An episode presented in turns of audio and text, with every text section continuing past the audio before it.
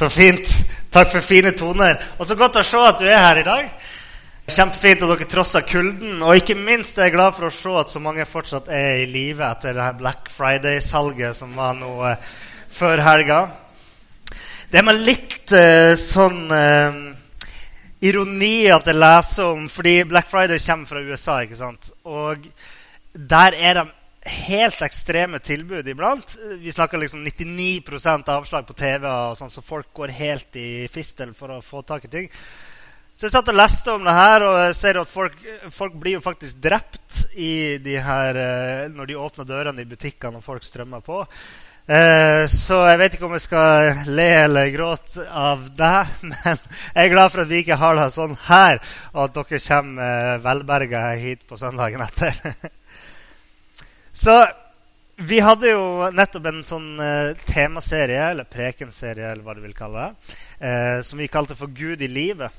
Der snakka vi litt om hvordan vi på en måte erfarer Gud, eller hvordan vi opplever Gud, både i smått og stort eh, i livene våre. Så vi fikk høre noen vitnesbyrd om hvordan det er, og vi fikk høre noen historier om mennesker som har opplevd Gud på forskjellig vis. Og og mange ganger når jeg jobber med de her prekenene, og når jeg jobber med prekener for øvrig, så tenker jeg Hva har Gud gjort for meg? For da tenker jeg ofte Hvilke historier har jeg som jeg kan fortelle? ikke sant? Så jeg stiller meg sjøl spørsmålet Hva har Gud gjort for meg? Og det er jo litt sånn når man hører vitnesbyrd, når man leser i Bibelen ikke sant, om folk som har opplevd Gud på, på helt spesielle måter, og så tenker man OK, men hva har Gud gjort for meg? På hvilken måte har Gud møtt meg i mitt liv? Hvilke gode ting har jeg fått fra Gud? Eh, ja, man, når man er for i bibelgruppa, så er det jo vanlig at man hører Man kommer veldig nært innpå mennesker som forteller om, om liksom eh, bønnesvar de har fått, eller opplevelser de har hatt med Gud, at Gud har snakka med dem, eller de har fått en oppmuntring gjennom Bibelen. Og så kanskje setter man og lytter på sjøl og, og tenker hva har Gud gjort for meg i det siste? Hvorfor har ikke jeg en sånn historie å fortelle? Og til og med de som ikke tror på Gud, eller de som ikke tror så veldig mye, eller de som tror, men ikke går i kirka Alle typer mennesker kan stille seg dette spørsmålet Hva har Gud noensinne gjort for meg? Og hvis du er en av de som noen gang har stilt deg dette spørsmålet, og kanskje følt deg litt knust fordi du opplever at uh, du ikke har hatt de store opplevelsene, uh, så håper jeg at jeg kanskje kan plukke opp noen av de bitene i dag og prøve å vise oss alle hva Gud har gjort for oss. Så jeg vil prøve å sette ting litt i perspektiv. Når vi stiller dette spørsmålet hva har Gud gjort for meg? Så kan vi jo mene det på litt forskjellig vis. Ikke sant? Vi kan mene det som hva har Gud gjort uh, for meg i mitt liv som jeg har fått opplevd i min hverdag, liksom, her og nå, i nåtiden, i denne verden. Eller man kan uh, mene det ikke sant? Hva har Gud gjort for meg i sånn kosmisk perspektiv, langt ute i det fjerne, noe som jeg aldri har sett eller egentlig følt på kroppen? Hva har Gud gjort for meg i den forstand? Men jeg tror jo de aller fleste, når de stiller seg spørsmålet her, så tenker de først og fremst ikke sant, Man ligger i senga på kvelden eller, eller hva enn man gjør, og man tenker ah, Hva har egentlig Gud gjort for meg? Sant? Og ehm, jeg tenker jo det er naturlig at vi er først og fremst fokusert på det som er her og nå, det som vi har rett foran oss. sant? Eh, og, ehm, og ikke så mye fokusert, kanskje. Vi er ikke så opptatt av det som kanskje skjedde sant, for 2000 år siden, eller da Gud skapte alt. Det tenker jeg helt naturlig. Eh, og sånn som på Black Friday med, eller hvordan som helst salg, der er vi kanskje mer opptatt av hvilke tilbud vi kan eh, dra nytte av der og da, enn hvilken nytte vi kan være for evigheten, på en måte, der og da. Eh, så når vi leser i Bibelen, vi hører folk snakke om opplevelser med Gud, så tenker vi kanskje Men hva har Gud gjort for meg? Og med det så mener vi da erfarbare og håndgripelige og kanskje synlige ting som Gud har gjort for meg i mitt liv. Har jeg kjent Guds nærvær? Har jeg hørt Guds stemme? Har jeg hatt sånn boblende følelse inni meg som jeg hører de si på uh, de her evangeliekanalene på TV når de forteller om møter med Gud? Har jeg hørt Guds stemme ofte nok? Har jeg hørt den tydelig nok? Har jeg opplevd å bli helbreda på noe vis? Har jeg sett at andre har blitt helbreda? Hvorfor har jeg ikke sett det oftere enn jeg har gjort? Alle de her spørsmålene henger sammen. ikke sant? Hva har Gud gjort for meg?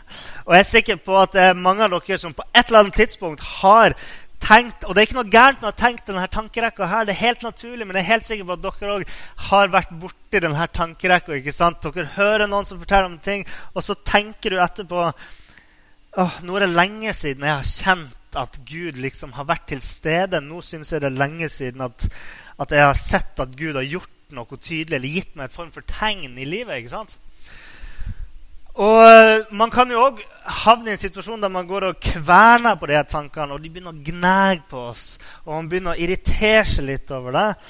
Og, eh, og man tenker liksom sånn å, men jeg leser jo i Bibelen, og jeg ber jo liksom på kveldene, og, og jeg hører på, til og med på kristen musikk, sjøl om jeg kanskje ikke er så glad i akkurat den musikken. Jeg vet ikke hva dere tenker, men det kan jo være folk som tenker det. Og, eh, og man setter, ikke sant, tenker liksom Åh, men alle de her tingene gjør jo jeg, men så får jeg ingen opplevelse. ikke sant? Hva har egentlig Gud gjort for meg?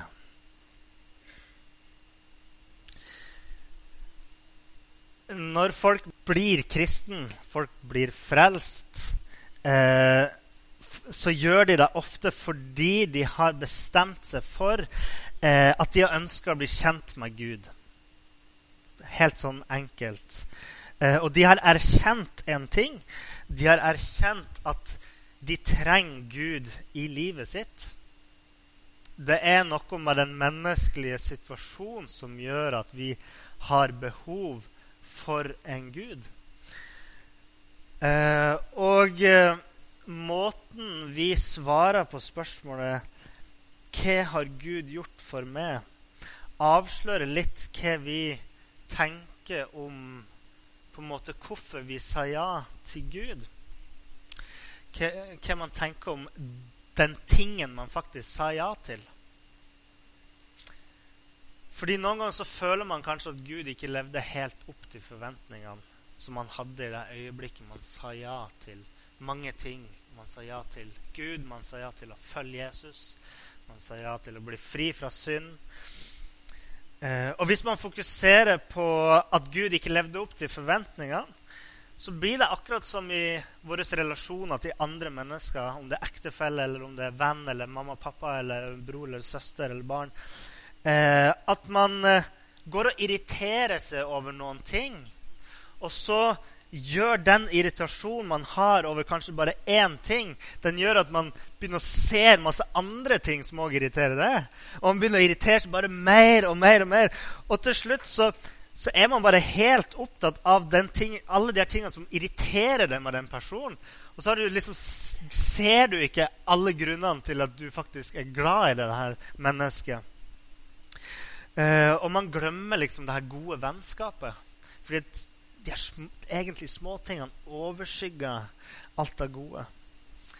Jeg hadde en sånn opplevelse Jeg har hatt mange sånne opplevelser. Jeg bodde sammen med en eh, kompis. Eh, jeg trenger ikke si hvem han var, eller hvor jeg bodde.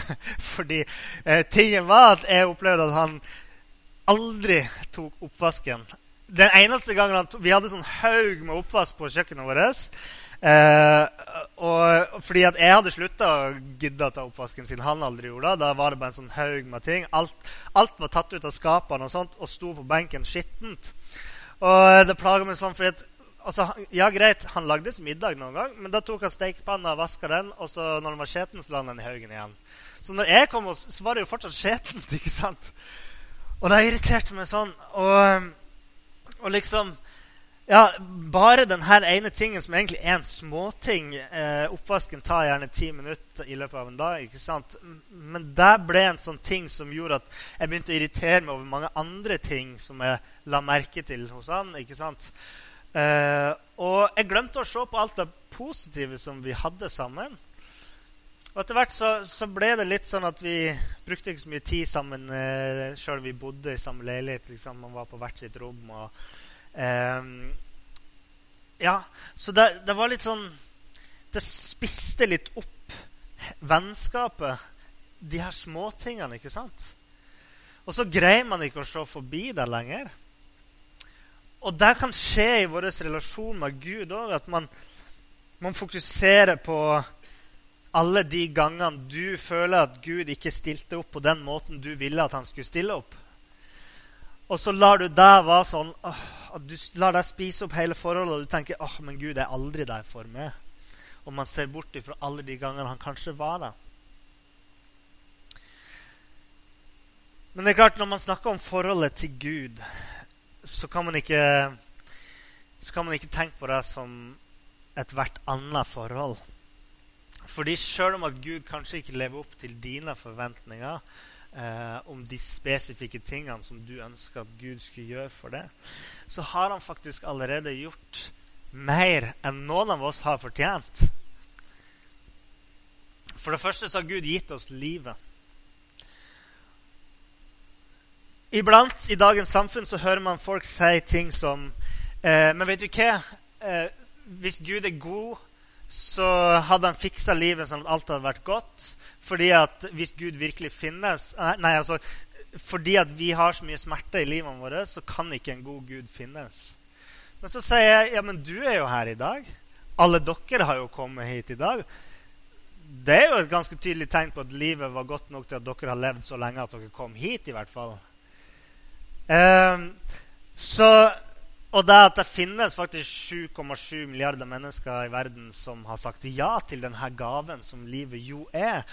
Og jeg er helt sikker på at ganske mange av de 7-8 milliardene menneskene har det mye, mye, mye verre enn oss, og enn mange av de som sier at livet er så ille at Gud ikke kan være god.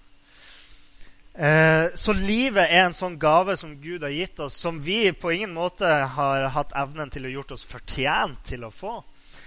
Eh, men for det andre så har han jo òg sørga for at vi alle kan bli frelst. Det betyr at det livet som vi lever nå, det trenger ikke å være hele historien.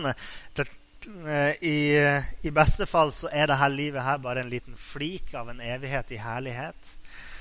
og han lover oss at hvis vi tror på Jesus, tror på det han sa, eh, og, og, liksom tar imot han i hjertet, så kan vi få lov til å ta del i en evighet i paradis.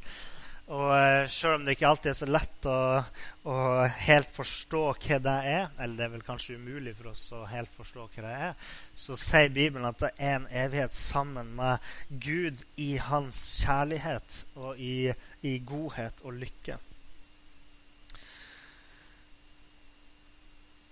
Man kan se for oss, eller du kan se for deg, at du går eh, langs en vei på en reise til en venn som har invitert deg på besøk. Men reisen viser seg å være ganske tung iblant. Du må forsere elver og fjell og, og farer som lurer i mørke kroker i skogen. Og eh, Kanskje begynner du å irritere deg over at denne vennen i det hele tatt inviterte det når det skulle vise å være så vanskelig å komme seg til han. At det skulle være så slitsomt. Kanskje du til slutt blir så lei at du snur på veien og går hjem igjen for at du orker ikke det her slitet lenger. Eller du fortsetter å gå for du vet at når du kommer til vennen din, så kan du i hvert fall få slappe litt i godt selskap. Og når du endelig kommer fram, så finner du ut at denne vennen din har brukt hele den tida du gikk, på å gjøre klart til at du skulle komme. Og han har ikke bare gjort i stand et gjesterom, han har ikke bare redda opp ei seng, men han har bygd et hus til det.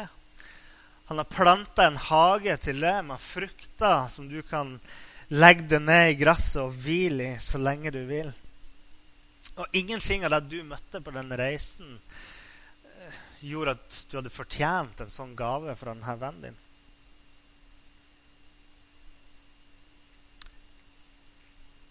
Det er kanskje et enkelt bilde, men det er litt sånn bildet er på livet vårt. Gud han har sendt oss en invitasjon. Og Det betyr ikke alltid at hvis vi sier ja til den invitasjonen, så kommer livet og alt vi møter, til å være enkelt. Men, alt, nei, men det vi kommer til å få på enden av denne reisen, vil overgå alt vi noensinne har møtt av motstand mens vi har gått. Og det er egentlig nok til at vi skal kunne være takknemlige for resten av livet. Men dessverre så er jo vi sammenskrudd sånn at det ikke alltid er så lett å ta inn over seg den håpet om denne evigheten. Det som, er, eh, det som er litt mangelfullt i den historien jeg fortalte nå, er jo det at Gud ikke bare står og venter på oss, men han, faktisk, han kommer oss i møte. For det første så han kom oss i møte med at Jesus kom ned til jorda, levde et liv her, døde for vår skyld, bar våre sorger og smerter og sykdommer på seg, kjente det på sin egen kropp, identifiserte seg med oss, kjenner oss bedre enn noen andre. Og, og han er til stede her i dag. I 5. Mosbok eh, 31,6 der står det For Herren din Gud går selv med deg. Han svikter deg ikke og forlater deg ikke. Og hvis det er sant at Gud virkelig er med oss hele tida, så er jo det virkelig noen ting å være takknemlig for. Du vet, Når jeg hører historier om kristne som har det så mye verre enn oss. Og så greier de likevel å være takknemlige for det Gud gjør for dem. Det er noen ganger jeg sliter med å forstå det, men da tenker jeg bare hvis de her menneskene virkelig er i stand til å gi takk til Gud for det de har, så bør i hvert fall jeg være i stand til det. Dere er med på den? Og, ehm, og sant, Der var en kristen. Sant? Det er jo ikke en følelse. Eh, og det er jo heller ingen konkurranse i å gjøre flest gode gjerninger. Det er jo fortsatt ei, en misforståelse som lever i beste velgående, at å være kristen handler om å gjøre så mye godt som man kan og håpe at man kommer til himmelen. Andre tror at eh, kristne bare går i en sånn eh, åndelig lykkerus. Men det, kristen, det var en kristen handler ikke om noen av de delene. Uh, fordi at hvis du blir en kristen fordi at uh, du vil ha en sånn vedvarende spirituell følelse av at Gud er nær, og at du alltid skal føle deg lykkelig, uh, eller at du tenker at det alltid bare skal skje gode ting med det når du lever som en kristen, uh, eller når at du blir et nytt menneske, så kommer du bare til å gjøre gode ting, så tror jeg du kan bli litt skuffa. For da tror jeg du har misforstått litt hva det betyr at Gud går sammen med det. Å være en kristen og si ja til at Gud skal gå sammen med deg på veien, handler det, først og fremst om å eh, ta imot den gaven som Gud har gitt oss. Altså å leve i kraft av den friheten vi har fått, og den ånden som vi får i oss når vi overgir vårt liv til Gud. Når Gud sier at han ikke vil svikte oss eller forlate oss, så betyr det at han vil alltid være nær oss. Han vil alltid være i vårt hjerte. Uh, og, og, i vårt sinn og vår sjel og i vår ånd. Og, den, uh, uh, og så lenge vi er åpne for det, og så lenge vi er åpne for det i vårt hjerte, så vil Han gi av sitt hjerte, sitt sinn, sin ånd, sin kjærlighet, sin nåde, sin frihet og sitt liv for oss, for vår skyld. Gud sier jo faktisk at Hans nåde er ny hver dag. Hver dag så kan vi stå opp, og så kan vi få oppleve Guds velvilje mot oss. Han, eh, hver dag er som et nytt lys som skinner på oss fra Gud. Og faktisk så trenger man ikke mer enn den følelsen av å stå opp og trekke luft inn i lungene, eller å se sola skinne, eller kjenne vinden i ansiktet, eller uh, kjenne at hjertet slår. Eller å se skjønnheten i snøkrystallene som detter ned, rimet som danner seg på ting vi har rundt oss. Vi har så mye nydelige ting å se på som jeg tror at vi noen gang glemmer fordi at vi kanskje har en smerte i livet, eller man har et minne som gjør vondt, og som man klandrer Gud for. Og man ser ikke alt det vakre og nydelige som vi har rundt oss.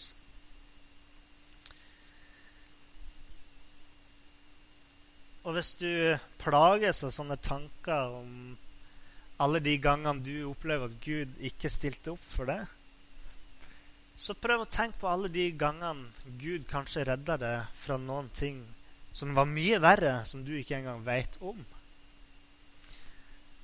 Det høres kanskje litt rart ut, men hør her.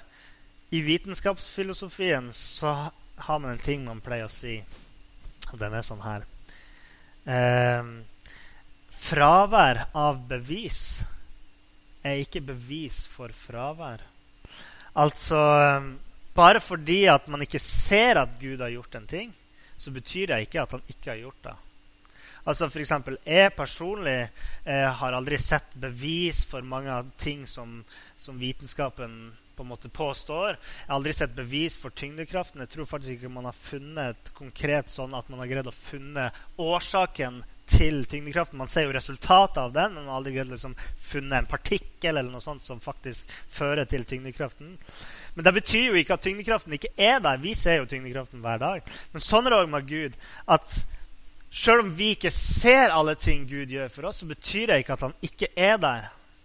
Det trenger ikke å være en mirakuløs ting der du på en måte kjører bilen din inn i en fjellvegg, og så er bilen din uskadd likevel. Det trenger ikke å være et sånt mirakel. Men det kan hende at Gud eksempel, en dag du kjørte langs veien, så holdt han det våken sånn at du ikke søvna bak rattet, uten at du noensinne vil finne ut av det.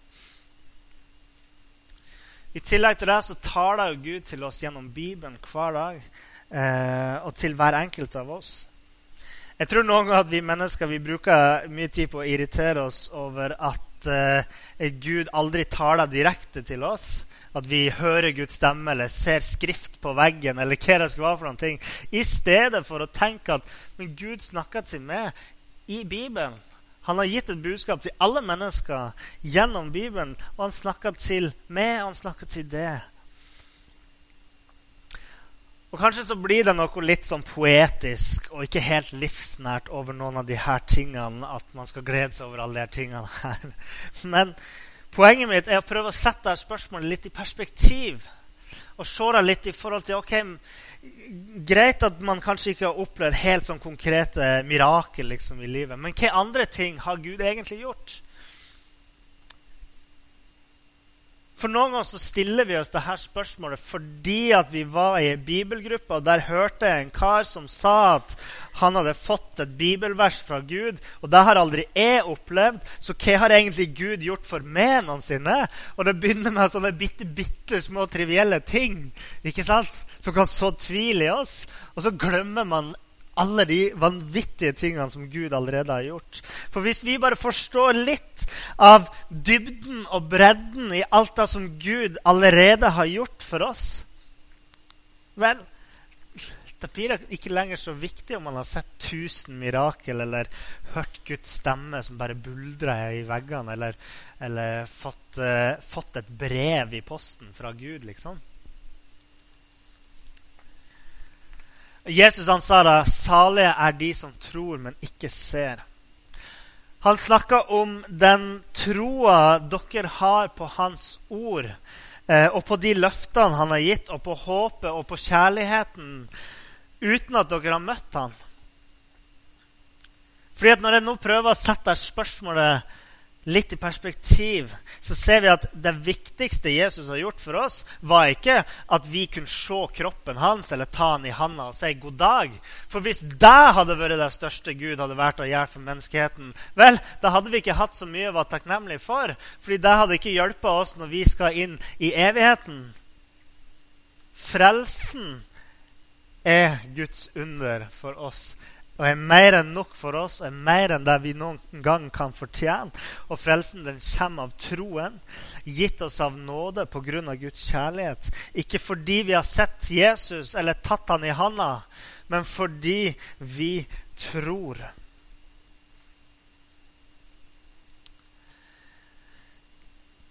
En god øvelse eh, når man begynner å tenke på hva har Gud gjort for meg, eh, er å ramse opp alle tingene som du syns er godt i livet ditt. Alle relasjoner du setter pris på, alle ting du syns er vakre. Alt som er godt. Syns det er godt å sove? Vel, det er en god ting, for han har gitt deg søvn. Liksom. Nei det var kanskje litt vel enkelt. Men, men lag en liste over ting som faktisk er godt. Dette funker òg i, i, deres andre relasjoner med mennesker. Eh, har du en ektefelle som du irriterer deg grønn over fordi han eh, eh ikke renser tennene sine etter at dere har spist, eller hva det skulle være for noen ting, så begynn heller å skrive ned ting som faktisk er positivt i den relasjonen. Så vil du se at, eh, at du blir overraska over alt som er godt, i stedet for å drive og bare grave det ned i liksom, sånne mørke tanker om trivielle ting som irriterer prioritere akkurat det. Men en annen ting er å tenke på eh, Hva har jeg gjort for Gud? I stedet for å bare tenke fordi jeg tenker noen ganger det er litt egoistisk hvis jeg bare tenker Hva har Gud gjort for meg? Jeg har jo ikke fortjent at han gjør en dritt for meg, for å si det sånn. Så hva har jeg gjort for han? Altså, det er jo en relasjon, det er jo et forhold som går to veier. Og, og jeg tror på en levende Gud. Eh, ikke en, en, gammel gubbe som eh, bor på en sky langt, langt borte. Som, som, en karikatur, liksom. Men vi tror på en levende Gud her i denne menigheten. Vi tror at han er aktiv i vårt liv, at han kan komme til oss og møte oss og leve sammen med oss. Eh, og, og, i en sånn relasjon så går faktisk det forholdet, forholdet begge veier. Og Derfor kan jeg spørre meg hva har jeg gjort for Gud? Og du kan spørre deg hva har du gjort for Gud? Det er ikke for å gi oss dårlig samvittighet. Fordi at Hvis vi begynner å sammenligne oss med de tingene jeg har sagt at Gud har gjort for oss, vel, da sliter vi med å leve opp til det hvis vi skal liksom gi tilbake for det. Men det er ikke det det handler om. For meg så handler det ikke om at jeg skal gi tilbake like mye som han har gitt til meg. Men for meg så handler det om å uttrykke min kjærlighet og min takknemlighet til Gud eh, og for det han faktisk har gjort for meg. Så det er å leve i en relasjon, rett og slett, for meg. Det er å leve i et levende forhold med Gud. Så jeg håper at kanskje noen av de tingene setter spørsmålet litt i perspektiv. Hva har Gud gjort for det? Og forhåpentligvis har du fått noen flere svar. Og så håper jeg òg du tenker over Men hva har du gjort for ham?